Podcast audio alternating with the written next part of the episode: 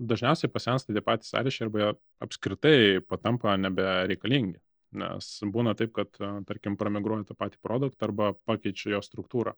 Tai reikia prisidaręs labai daug kompleksus arba, tarkim, lentelių daug, kurios atsakinėja po vieną klausimą, mums jas visas reikia perdaryti. Tai tarkim, pačioj pradžioj aš tikrai smarkiai siūlau turėti centralizuotą ir normalų, um, kaip čia sakant, duomenų modelį, kuris būtų atsakingas už pagrindinius klausimus ir šituo atveju mes susimažintumėm tų priklausomybių kiekį.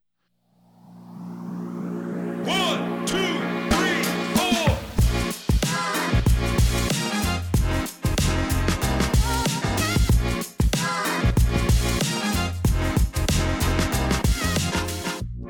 Sveiki, čia Tadas ir ačiū, kad klausotės laidos Superproduktas. Toliau tęsiu teminių pokalbių ciklą ir šį kartą kalbėsimės apie duomenis. Šiandien svečiuose Tomas Peluritis, podcast'o duomenų dėdė vedėjas ir įmonės Kevin Head of Data. Nuorodą į duomenų dėdės podcast'ą rasite epizodo aprašymę, būtinai paklausykite, jeigu norite apie duomenis sužinoti detaliai ir iš pirmų lūpų. O mes šioje laidoje panagrinėjome dvi temas. Pirmoji - duomenys įmonėje, nuo ko pradėti, kokiu dalyku vengti. Antra tema - duomenų komandos. Šį kartą pokalbį padalinau į dvi dalis, tai yra dvi laidas. Ačiū Rūnai uždėję eksperimentui pažiūrėsiu, ar trumpesnis epizodas, tai yra tiek, kiek maždaug trunka didmestėje kelionė į darbą, įtakoja geresnius perklausų rezultatus. Taigi, pirma dalis iš dviejų apie duomenis įmonė. Gero klausimasi.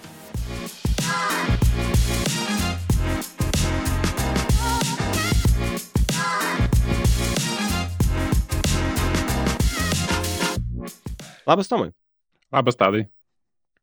E, pirmiausia, ačiū, kad e, sutikai e, už dalyvavimą, kad skirsi laiko. O, o pokalbį pradėkim galbūt tradicinių tokių klausimų apie trumpai, ne, apie, apie tavo karjerą ir kodėl pasirinkai darbą su duomenim. A, tai mano karjera, šiaip iš tikrųjų, sakyčiau, a, prasidėjo įdomiai, nes realiai vis, vis laiką fokusavausi tiksliosius mokslus, bet pradėjau nuo marketingo. Bet a, išsibandžiau save ten, pasižiūrėjau, kaip sekėsi, taip minimaliai.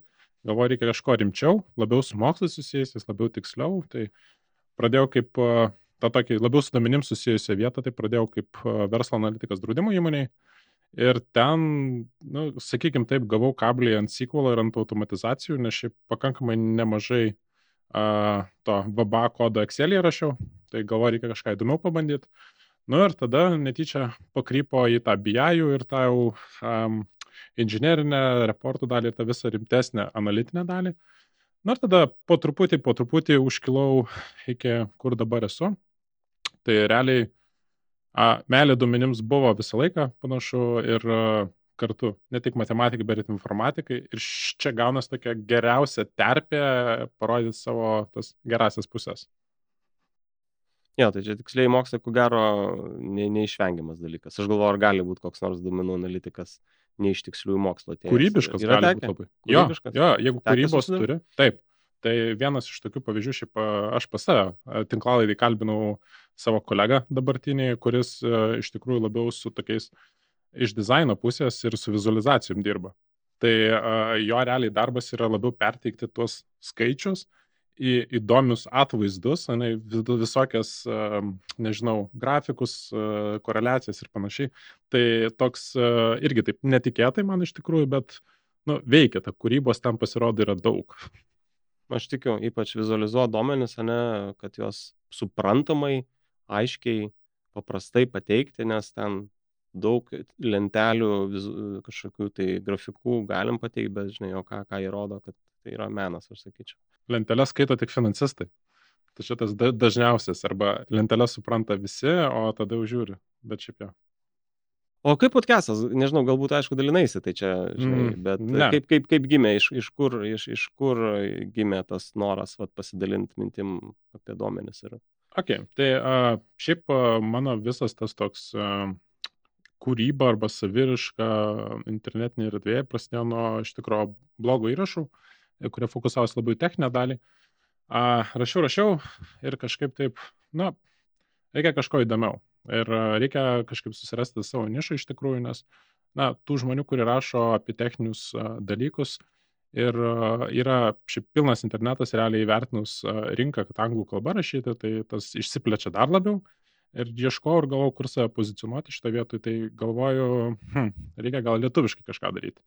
Nes, galvoju, angliškai yra, nu, pažiūrėsim, koks, kokia rinka yra apskritai, kas klausysis, bus kažkoks toks veiksmas. Tada galvoju, ar rašyti įrašus, ar eiti iš komforto zonos nes pagalvojau, klaviatūros riteriu galiu būti, reikia pabandyti mikrofono riteriu pabūti. Tai, a, tai taip, pasibandžiau pirmą, išleidau lai, e, tinklalaidą, prasikankinau savo balsą klausydamas, nes sunku savo balsą klausyti taip dažnai, dažnai, dažnai. Nu ir žiūriu, kad paleidęs, kad važiuoja žmonės klausosi, iš tikrųjų nesitikėjau taip. Tai ant tos visos bangos pagavau kablį, žiūriu, žmonėm tinka, patinka kalbinu pašnekovus, jiems irgi atrodo įdomu ir toks gavosi iš to tokio hobio, tokio, kur, nu, gal pais, gavosi toks visai įdomus eksperimentas, iš kurio iš tikrųjų aš ne, neslėpsiu savo naudiškais tikslais irgi turiu savo agendą išsiaiškinti, kaip kiti daro ir kartu ir pasinetvarkinti. Tai čia toks uh, du zuikiai vienu šūviu. Labai pažįstama. Tai iš tikrųjų aš irgi panašus tikslai, ne? Visą laiką įdomu pasimokyti, tas malsumas ir, ir aišku, susipažinti su įdomiais žmonėms, tai čia antras dalykas. E, super, linkiu sėkmės, aišku. Ta prasme, Ačiū. kad e, toliau, nes manau, kad žmonės girdi ir, ir, ir klauso, tai tas yra svarbiausia. Reikia tik tai ne, ne, neprarasti tos tokios, kaip sakyt, e, na, nuotaikos ir noro, ne, kad, nes būna tų sunkių akimirkų. Gerai, tai tada ką, pradėkim gal su ta tokia trumpa įžanga. Porą temų aš manau, kad mes gal panagrinėkim, iš principo esam apsitarę, ne, tai klausytojams e, bus pora tokių, sakykime, stambesnių blokų, tai apie apskritai duomenys įmonė, nuo ko pradėti. Tai būtų įdomu, Tomai, kad pasidalintum savo patirtimi ir trumpai galbūt tada irgi apie komandas duomenų, o ne kaip, kaip, kaip turėtų atrodyti, nuo ko pradėti irgi. Tai svarbi, ko gero, ir svarbiausia dalis bet kurioje įmonėje. Bet prieš pradedant, aš dar tokį klausimą norėčiau, tokį, kaip sakyt, skirtuką ir galbūt skaupui uždėti, ne? Ir, ir, ir man toks galbūt, ne, klausimas ir tikiu klausytojams yra sutikę, ne, gerai, duomenų analitikas ir verslo analitikas. Tas pats, ne tas pats, skiriasi, jeigu skiriasi, kuo skiriasi, tai kad nepainiot, o gal čia, kad painiot nieko blogo, žodžiu, taip, sakyti, jokiais, tai papasakok truputėlį ir, ir, ir tada susifokusuosim matyti apie tą duomenų analitiko darbą, bet atskirkim. A, gerai, čia toks e, visą laiką smagus klausimas, kuo skiriasi e, duomenų analitikas nuo verslo analitiko. Mano akimis mačiau įvairių situacijų ir e, vienais atvejais jie skiriasi labai smarkiai, kitais atvejais daro tą patį, realiai pavadinimo skirtumas. Tai kas bendro mano akimis nori, nenori, tai yra tų pačių duomenų analizė, tik tai gal verslo analitikas yra mažiau techninis žmogus, bet puikiai naudojasi to pačiu Exceliu, e, BI įrankiais visais ir gali tą patį duoti, bet jau žiūrint iš duomenų analitiko pusės, mano akimis tai yra, sugeba šiek tiek kompleksiškiau užsitraukti duomenis, net tas pačias SQL užklausas parašyti, kai kuriais atvejais net ir uh, Python kodą, jeigu reikia, gali pasirašyti. Tai toks labiau techninis ir mažiau techninis, bet uh, plus minus daro tą patį o ten klausimai nagrinėjami, sakykim, ar čia tiesiog ta technika, ar yra dar kažkas? Manau, kad technika ir manau, kad dažniausiai a, tas vadinasi būtent duomenų analitikas, jis eina labiau su tais techniniais pačiais duomenimis, ne, tai čia kaip ir duomenų pobūdis yra a, įtraukiamas. Jeigu verslo, tai labiau gal link verslo, tai yra verslo metrikos, kurios aktualios, verslo, nežinau, ieško optimizacijų, tai čia gali, pas mus dabar, dabar įmonėje, ką mes turim, tai standartas buvo toks atskirimas, kad a, tos business operations yra vienoje pusėje, tam tokie labiau verslo analitikai, kaip ir, ne, kitoje pusėje turim produktų arba duomenų analitikus, kaip ir. Bet a, bendrai, ką jie daro, tai iš tikrųjų labai panašius dalykus daro, iš tikrųjų. Tai labai, sakyčiau, priklauso nuo įmonės, kurioje dirba ir kaip jinai pozicionuoja ir kaip tiesiog užvadina. Kai kuriais atvejais gal marketingo triukas, supratau. Nu, tai čia tiesiog reikia žodžių skaityti skelbimo, ne, ir, ir tada gilinti, žiūrėti savo, su, supras kaip visuomet. E, tai čia ne, ne, ne naujiena, ko gero, ir kitose rolėse. A, gerai, na tai ko gero čia vis tiek kalbėsim apie duomenų analitikus pačiaja prasme, ne, tai čia, kadangi tiek technikos, galbūt techniniai įrankiai skiriasi, bet realiai tada tas bus pobūdis po, po, pokalbio apie duomenų analitikus. A, kokius klausimus, ne, vat, sakykime, jeigu kalbam apie duomenų analitikus, kokius klausimus gali atsakyti e, kur yra tas laukas, o ne dėmesio duomenų analitikų, su kokiais klausimais pagrindė dirba? Um, irgi labai priklauso iš tikrųjų nuo įmonės to tokio susidėliojimo. Kai kur, tarkim, jeigu yra pati pradžia, tai tas vienas žmogų turi, kuris atskiria visiškai visus klausimus toks. Uh, įmeti žmogų ir šaudai klausimais, ten džyros tikitus, man to ar nereikia. Tai tada jau visiškai labai platus spektras ir ką gali atsakyti, ir ką gali pažiūrėti. Jeigu mes žiūrim į vėlesnės situacijas, dažniausiai tada užsiskiria tos specializacijos, tarkim, vienas už marketingą, kitas ten už salesų duomenis, trečias ten už tą pačią produktinę analizę ir jau specializuojasi, tada jau šiek tiek sumažėja tas jų skaupas, bet klausimai, nu, viskas priklauso ir nuo tos ryties, kurią kūruoja žmogus. Vienomis vietomis užtenka kažkokią lengvą analizę padaryti ar grafiką atiduoti ir ten jau matosi vis, visos išvalgos, tarkim, čia buvo nukritimas, bet kartu žinai, dėl ko nukrito, tai tiesiog papildoma tokį ženkliukų uždi kodėl. Kitais atvejais uh, apsijungi krūvą duomenų šaltinių ir žaidži su jais, ieškai detalių, uh, ieškai adato šieno kupetoje. Mhm.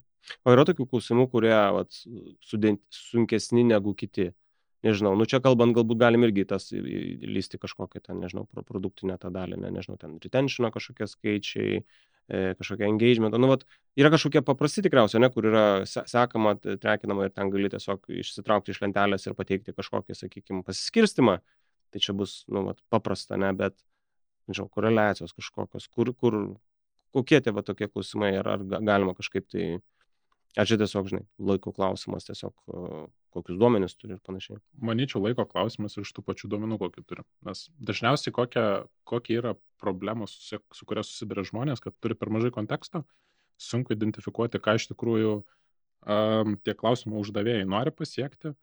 Ir ta sunkioji dalis iš tikrųjų susišnekėti su žmonėm, iš jų gauti tą visą informaciją, kodėl jie tą daro, kam jiems to reikia, ką nori to pasiekti, O tada kita jau ta, tarkim, heavy liftingo dalis, tai dažniausiai tiek nusikelia a, daugiau mažiau arba domenų inžinieriams, arba naudojantis BI toolsams tiesiog susidėti tam tikrus filtrus arba kažkokius papildomus skaičiavimus. Tai, sakyčiau, sunkioji dalis yra iš tikrųjų išsiaiškinti, ko žmonės nori. Šitą dalį gerai, tada palikim į antrą pusę, kad ne, nenušokti, ta prasme, tai bendrai ne, to, tą tematiką išlaikyti, tai būtinai pakalbėsim kokia, kokios tavo yra rekomendacijos, kaip ten tą kontekstą išlaikyti. Dar tada grįžtant prie, prie to pačio pradžios, kaip sakyti, įžanga į tą duomenis, kaip jūs paprastai skaidot, skirsto duomenis. Nu, nes nu, duomenis atrodo viskas, ne, bet tikriausiai nėra, galima galbūt kažkokią sudėti taip į kažkokias lentynėlės, uh, kategorijos kažkokios galbūt. Jo, uh, tas dažniausias šiaip skirtumas, tai yra greičiausiai duomenų paėmimo tipas, Tai, pavyzdžiui, jeigu tai yra tiesiog įvykiai kažkokie, ten web klikas, kažkas, tai galima vis tiek krenta kaip paprasti eventai, jie tiesiog guli vienoje vietoje. Bet tada jų kategorizacija viduj, kokio pobūdžio eventas, ar čia yra sisteminis eventas, ar čia userio yra paspaudimas kažkoks. Galima pagal tą klasifikuoti, galima žiūrėti, ar čia yra iš kurio, tarkim, šaltinio ateina. Tai tarkim, Facebook adsų integracija, ne, Google adsų ar kažkokio kito third party informacija gali keliauti ten nes visą laiką turi savo struktūrą ir tai reikia specifiškai ją žiūrėti. Tai dažniausiai neverta iš karto jų kerkti į vieną vietą, nes susimals viskas, čia gausis šiukšlinėlis. A, finansiniai duomenys, a, tie HR-iniai duomenys iš tikrųjų apie žmonės.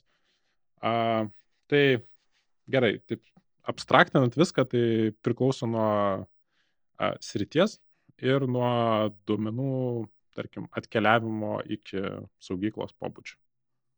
Ar yra, vat, iš tų išvardintų tipų, nesakai, finansai, čiarai, produktinė kažkokia ten dalis, ne, kaip ten naudoti elgesi, su kuriais yra, pavyzdžiui, sudėtingiau dirbti? Nu, vat, jeigu toks klausimas rele, relevant yra, ne? A, duomenų yra, taip. o su... Mhm. Sunku iš tikrųjų dirbti, kur daug yra žmogiškojo faktorius. Ne? Tai jeigu turime, tarkim, nežinau, kažkokį jų tą grafinę sąsąją vartotojo ne? ir tada naudotojai tiesiog įveda duomenis. Šitoje vietoje, jeigu mes neturim validacijų ir ta informacija mums žalia siunčiama, tada turim 10 lietuvų, didžiosiam, mažiosiam, viskas didžiosiam, visas šitas. Ir su tais duomenim išsiaiškinti ir viską susitvarkyti vieną vietą yra pakankamai sudėtinga. Paprasčiausiai dirbti visą laiką su techniniais duomenim, nes e, kurie apibrėžia techninių procesų kaitą, nes jie visą laiką yra plius minus tos pačios struktūros, jos susideda gražiai lentynelės, išsiskaidai ir problemos nėra. Tai žiūrint iš tos. Dažniausiai mano susidurtais atvejais, tai nori, nenori, produktinė informacija visą laiką būna labiau standartizuota, nes uh, žiūri į optimalesnius sprendimo variantus ir ten realiai viskas yra plius minus sisteminiai tiesiog e, įvykiai, kurie yra registruojami į domenų bazę vienokiu ir kitokiu būdu. E, o tada toj e, verslo pusėje vis tiek, nori, nenori, atsiranda mažiau validacijų, tarkim, naudojami įrankiai nepalaiko tam tikrų validacijų ir jų tiesiog neturi. Ir ta informacija nugala tokia šiek tiek netvarkinga. Ir dar reikia tiesiog įsėsti prie jos ir daug, daug susižiūrėti, išsirinkti informaciją ir ją susivaliduoti pagal taisyklės. Šitas valymas, ne, ta prasme, kad įvyktų. 80 procentų darbo dažniausiai būna domenų valymo, o tada mhm. visa kita. Oho, oho, supratau. Um, ok, pakalbėkim tada apie tą pradžią. Iš mano patirties, sakykime, ypač mažesnėse kompanijose, ne, pradedi, tų duomenų ten nėra, atrodo, ar būt, būt jie yra, bet, vat, kaip tavo minėtas pavyzdys, kažkokia neiškia forma, kur reikia tų valymų ir taip toliau. Tai kaip pradėti ir nuo ko pradėti? Ir galbūt čia tada, nežinau, vat, galėtume išeiti iš, iš tokių, žinai, startupo pavyzdžio. Na, jauna įmonė, nedidelė. E, kokie yra dalykai? Tai čia aš, nu, ko gero, verta būtų pakalbėti ir apie infrastruktūrą, įrankius, ir žmonės, bet va tiesiog ne ta pati pradžia, sakykime, mane yra kažkoks startupas, tai kokia ta pradžia, į ką atkreipti dėmesį, e, pradedant, kai dar, sakykime, nu, ta duomenų kultūra arba apskritai duomenų, nu, duomenų yra, bet tiesiog galbūt jų nenaudojam. Um, tai va pradžia. Pačioje pradžioje iš tikrųjų, tai mano akimis, šiaip kaip kalbėjau, aš kaip tik vildenau šitą temą, nuo ko pradėti savo tinklalaidę. Tai labai gerai, nes labai įdomių minčių ten kilo man ir po to ir prieš. Tai užtenka iš tikrųjų vieno žmogaus, kuris būtų arba duomenų analitikas tik su tokiu polinkiu labiau techninę dalį, kad galėtų pasikrapštyti ir su infrastruktūra, arba daugiau kompleksinio kodo pasirašyti, arba būtų duomenų inžinierius, nes jau tada turės visą tą techninį, techninį bagažą, bet galėtų lengvai padaryti ir tų išvalgų ir pasi, pasikapstyti tuos duomenys. Tai realiai toks žmogus galėtų padengti tą pagrindinį startą A, ir duoti tas quick winsus vadinamus, ne, 80-20 taisyklė vadovautis. Jeigu mhm. žiūrint apie... Bet čia toks jau žmogus. E, orkestras toks truputėlį, ne? Nu, jo. nėra taip, kad jisai siauros specializacijos, nu, kadangi tu pradedi... Generalistas. Jisai... Taip, taip, taip. Tasme, mes mhm. tada šitoje vietoje pradžioje reikia to būtent generalistų, tikrai nesifokusuoti į tos T-shaped e, specialistus, kurie tiesiog turėtų gilesnės žinias vieno ar kito vietoje, užtenka tokio allrounderio. Ir e, realiai mano akimis, kai tu pat pradedi na, startupė dirbti, net ant tų domenų arba šios infrastruktūros, labai prabangios tikrai nesistatysi, nes nu, visiškai neverta.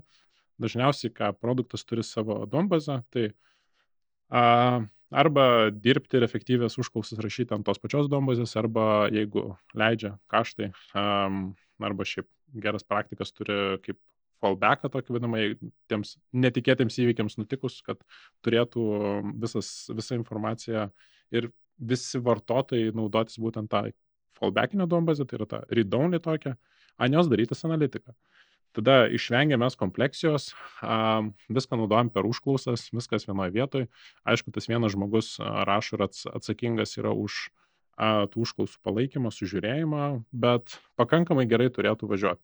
Čia tada pradeda kilti klausimai, ar mums reikia ten smagių dalykų kaip versijų kontrolės ar dar kažko, tai mano akimis tokiam startą viskas važiuoja labai greitai, tai kažkur prisirišti vienam žmogui prie tokių procesų visiškai neapsimoka, nes tiesiog jį sustabdys. Tai a, galima palengvinimu užmauti kažkokį BI toolsą, jų irgi yra šiaip milijonas, čia žiūrėjau, nes neišleido tą MED, tai yra ML, ML Analytics ir data, man atrodo, infrastruktūros ir visų įrankių tą landscape'ą. Tai aš kai atsidariau ir taip išsižiojau iš tikrųjų, kiek tų įrankių pridaugėjo. Tai labai daug vizualizacijos įrankių, jeigu norima tų mm, open source, arba kuriems su kuriais nereikia daug atrivauti realiai ant savo mašinos pasileisti, tai yra Metabase'as, yra Supersetas, yra Rydešas anksčiau buvo palaikomas iš tokių, nu, labiau aktyviau palaikomas, kol jo nenupirko.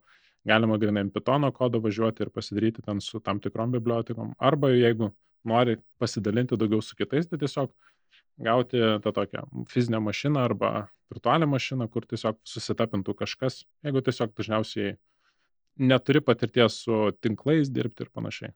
Taip, taip, kabinėsi ant visų dalykų, kur neužtrunka daug eforto, bet ir kainos atveju ne, ne karvę kainuoja.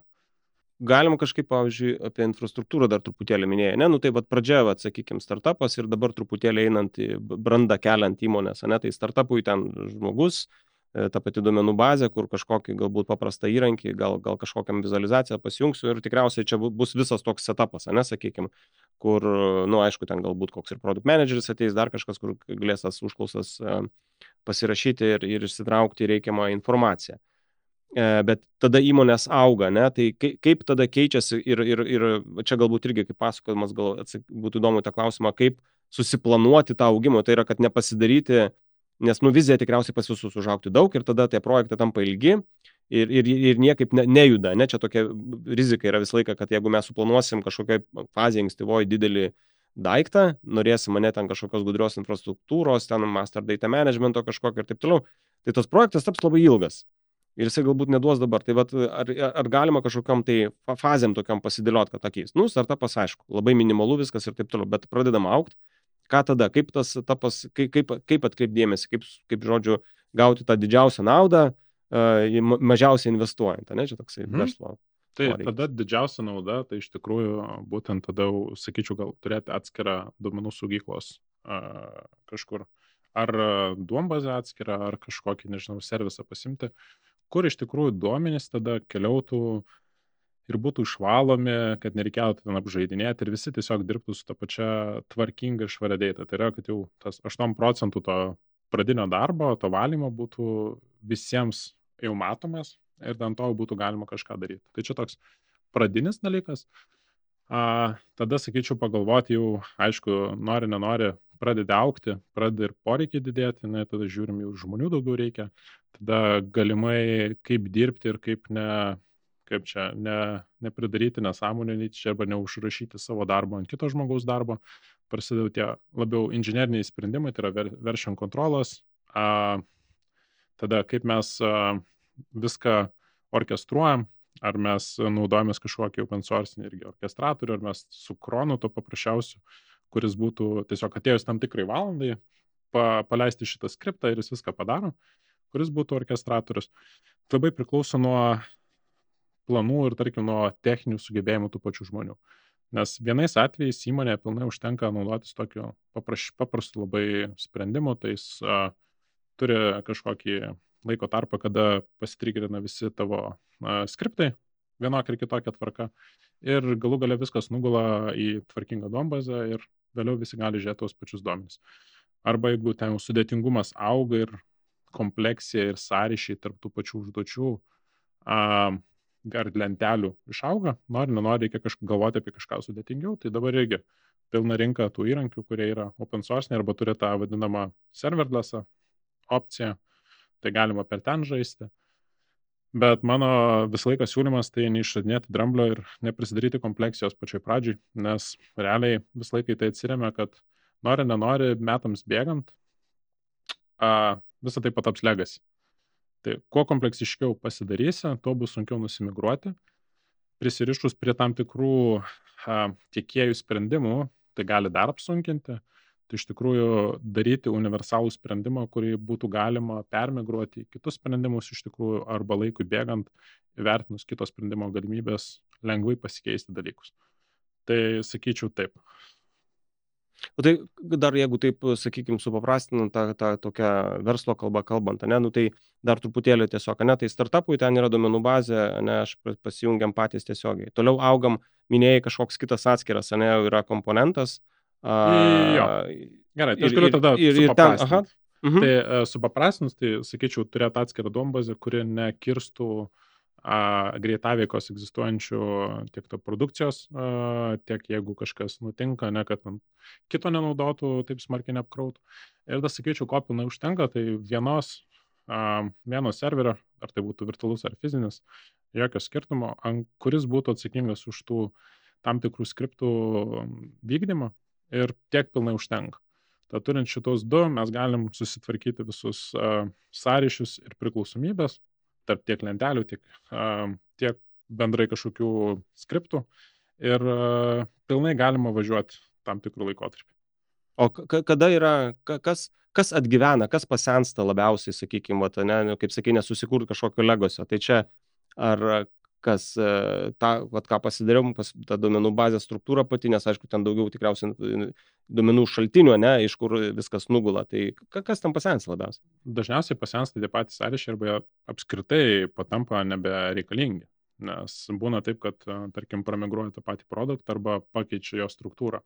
Tai reikia prisidaręs labai daug kompleksus arba, tarkim, lentelių daug, kurios atsakinėja po vieną klausimą, mums jas visas reikia perdaryti. Tai tarkim, pačioj pradžioj aš tikrai smarkiai siūlau turėti centralizuotą ir normalų, um, kaip čia sakant, duomenų modelį, kuris uh, būtų atsakingas už pagrindinius klausimus ir šituo atveju mes susimažintumėm tų priklausomybių kiekį. Uh, antras dalykas, kas pasensta, tai iš tikrųjų, jeigu mes ryšomės prie pitono, tai nešokti iš karto ant tam senų, senesnių versijų, taikytis prie naujesnių, nori, nenori, bet įsivertinti ir jų suderinamumą su tam tikrais įrankiais, kuriuos galimai gal planuoja ateityje. Nes irgi yra tokių variantų, kai, tarkim, nori naujausio pitono, bet žiūrėk įrankis, kurį tu nori naudoti produkcijoje, ją net nepalaiko. Ir visiškai nebetenka prasmės, tau reikės perdaryti visą, perrašyti visą kodą. Tai ir laiko sugaiš ir visko. Tai šiek tiek researcho įdėti į tą, ką nori padaryti ir pamatyti. Ir tiek. Ir neprisirišti prie senų dalykų iš tikrųjų. Labai daug internete copy-paste, kaip vyksta. Būna tų kliurkų, nesusižiūri versijų ar kitų dalykų ir paskui daug perrašinėti reikia. Tai čia iš tokių. Čia tikriausiai reikia nusiteikti, kad visas tas vat, ir domenų modelis, ne, ir apskritai tie dalykai jie kis, tai čia tiesiog, ko gero, čia nėra blogas dalykas, čia tiesiog yra evoliucija, ko gero. Taip, Taip. reikėtų žiūrėti, ne? Kad, ta prasme, nu, vytis. Uh mhm, -huh, ir tiesiog tada. A, truputėlį apie pačius įrankius. Minėjai Metabase, dar tam buvo pavyzdys pasakytas. A, ar galėtum gal rekomenduoti, nežinau, vat, pavyzdžiui, vis tiek tikriausiai yra tokie gautų įrankiai, kurie, na, nu, sakykime, mane yra patikrinti laiko ir juos reikėtų atkreipti dėmesį labiau o, negu ten į kažkokius tai kitus.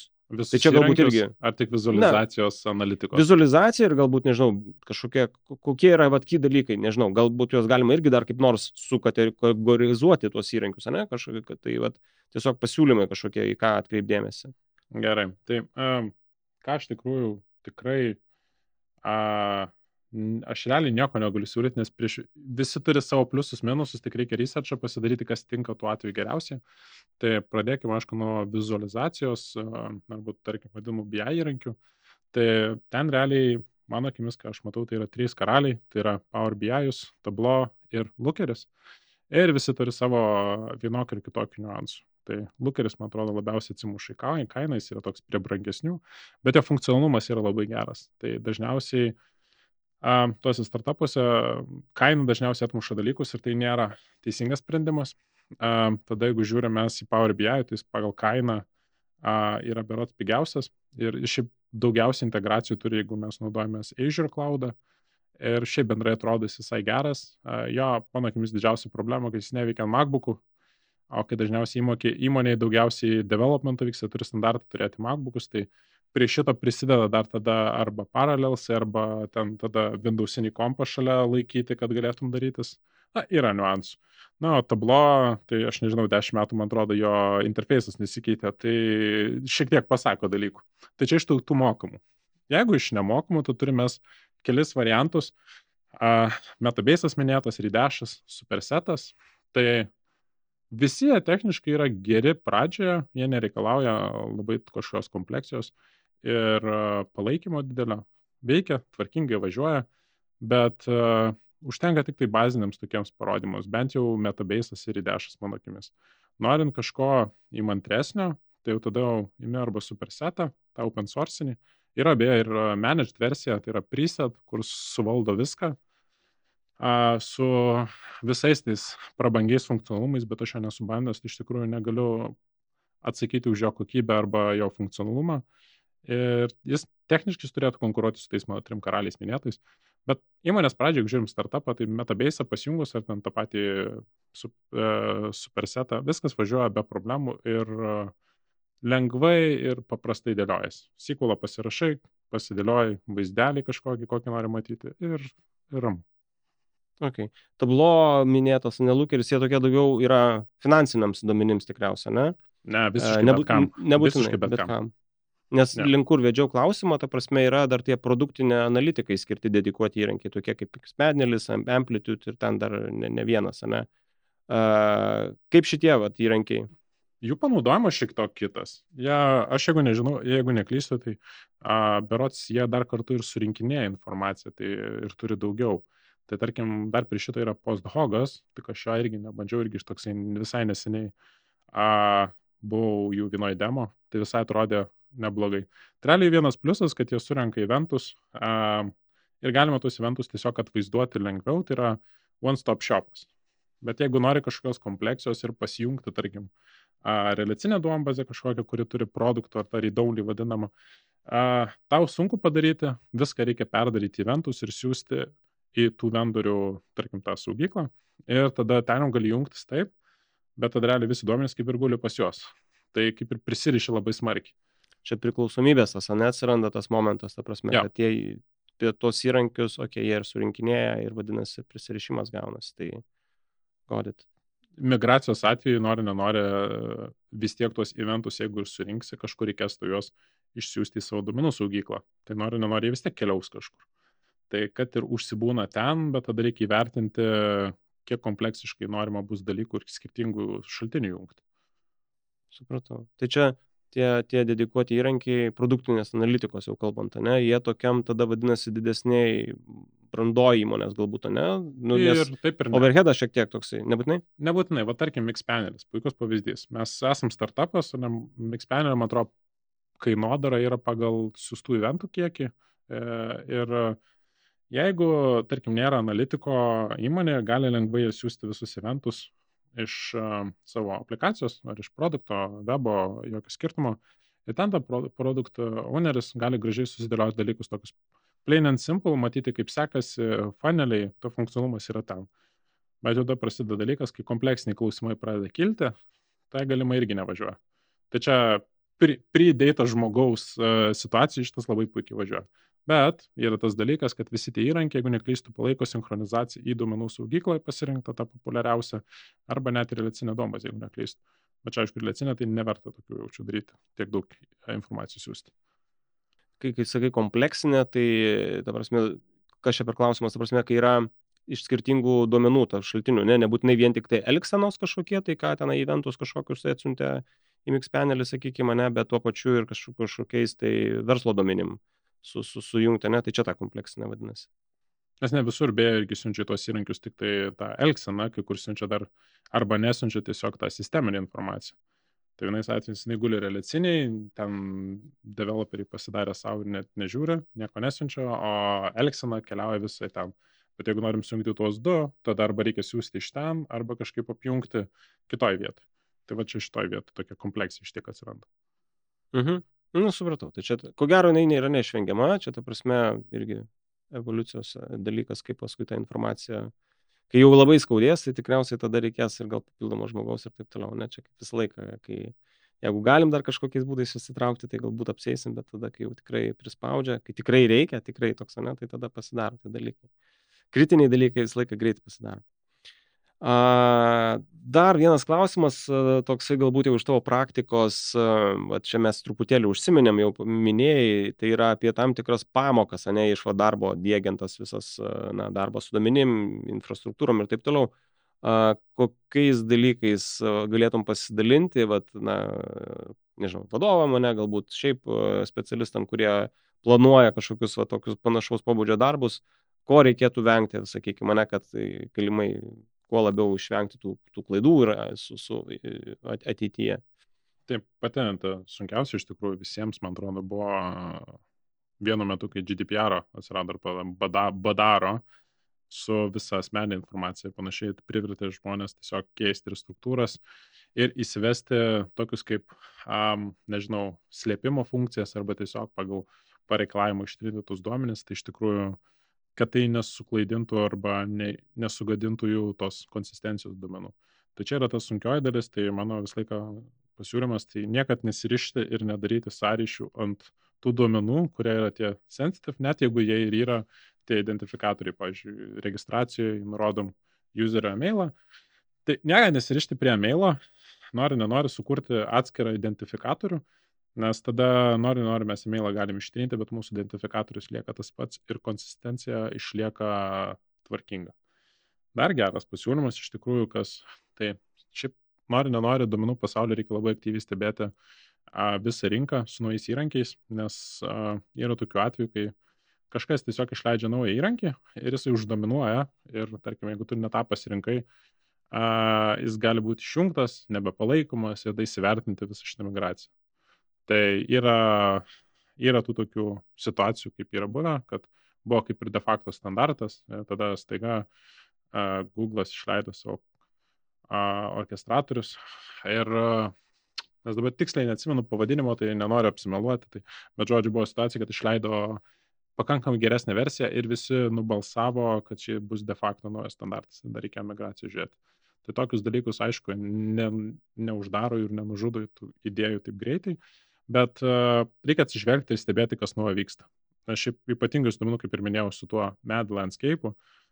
Tai, man atrodo, įmonių ir sprendimų duomenų srityje, nu, išėjo kokie, nu, tipo, aš bijau sumeluoti, nu, šimtais sakyčiau, bet uh, aš bijau ar ne, ar ne, ar ne tūkstančiais iš tikrųjų, nes uh, bendrai duomenų panaudojimas ir jų svarba ypatingai suaktyvėjo būtent per tą COVID laikotarpį, nes uh, atsirado nestandartiniai dalykai, pradėjo stebėti, kad e, pamiršo dalykus savo webę susidėti, stebėti jų elgseną ten, kur gal ir nebuvo jų prioritetinės rytis. Ir e, ta niša tokia pradėjo pildytis visokiais sprendimais. Tai vienas iš tų dabar labiausiai ant bangos, tai yra duomenų kokybė. Kaip ir minėjau, 80 procentų darbo, jeigu reikia praleisti, išsivalyti ir susitvarkyti, tai duomenų kokybės sprendimų čia kaip grybų po lietaus padavė, tai tik žiūrėk, kas tau tinka ir tik tai atverk piniginę ir duok jiems pasisemti. Nu tai standartas. Tai va taip, sakyčiau, tokie niuansai yra ir uh, tokių vengti, bent jau mano akimis. Visa kita yra natūrali evoliucijos eiga ir tiesiog nepamiršti ir ne tų tokių apsitvarkymų, apsivalymų pasidaryti karts nuo karto, kad tiesiog viskas neužgriūtų vienu metu. Čia reikia tokius patikimus tiekėjus, ne, susirasti gerai žinomus, o tie paminėti vardai, kurie daugiau mažiau palengvintų galbūt. Palengvintų iš dalies taip, bet su tai žinomais pasirinkus uh, galimai paskui iš jų iškeliauti sunku bus, tai čia reikia vertinti tuos pliusus, minusus. Iš kitos pusės galima vis laik ryštis ne prie tiekėjo, imti prie atviro kodo, bet tada irgi niuansai, ar nepataps uh, kažkas išleis kitokį įrankį, irgi atviro kodo, ir kuris pataps vėl de facto standartu. Tačiau tiesiog stebėti, sakyčiau, rinką ir įsivertinti tendencijas, ar nebus didelių pokyčių artimiausių metų. O jeigu bus planuotis pakeitimus atitinkamai. Tai čia norėjau apie tos atviro kodo sprendimus, o Metabase ko gero vienas iš tų, ne? Dar ten gal keletas yra. Metabase'as nesakyčiau visai taip sausau. Jie turi savo ten atskirą, man atrodo, leidžia kaip ir atviro kodo, bet ten toks licenzijavimo tipas irgi toks įdomus yra. Nu, bet yra, yra tų sprendimų.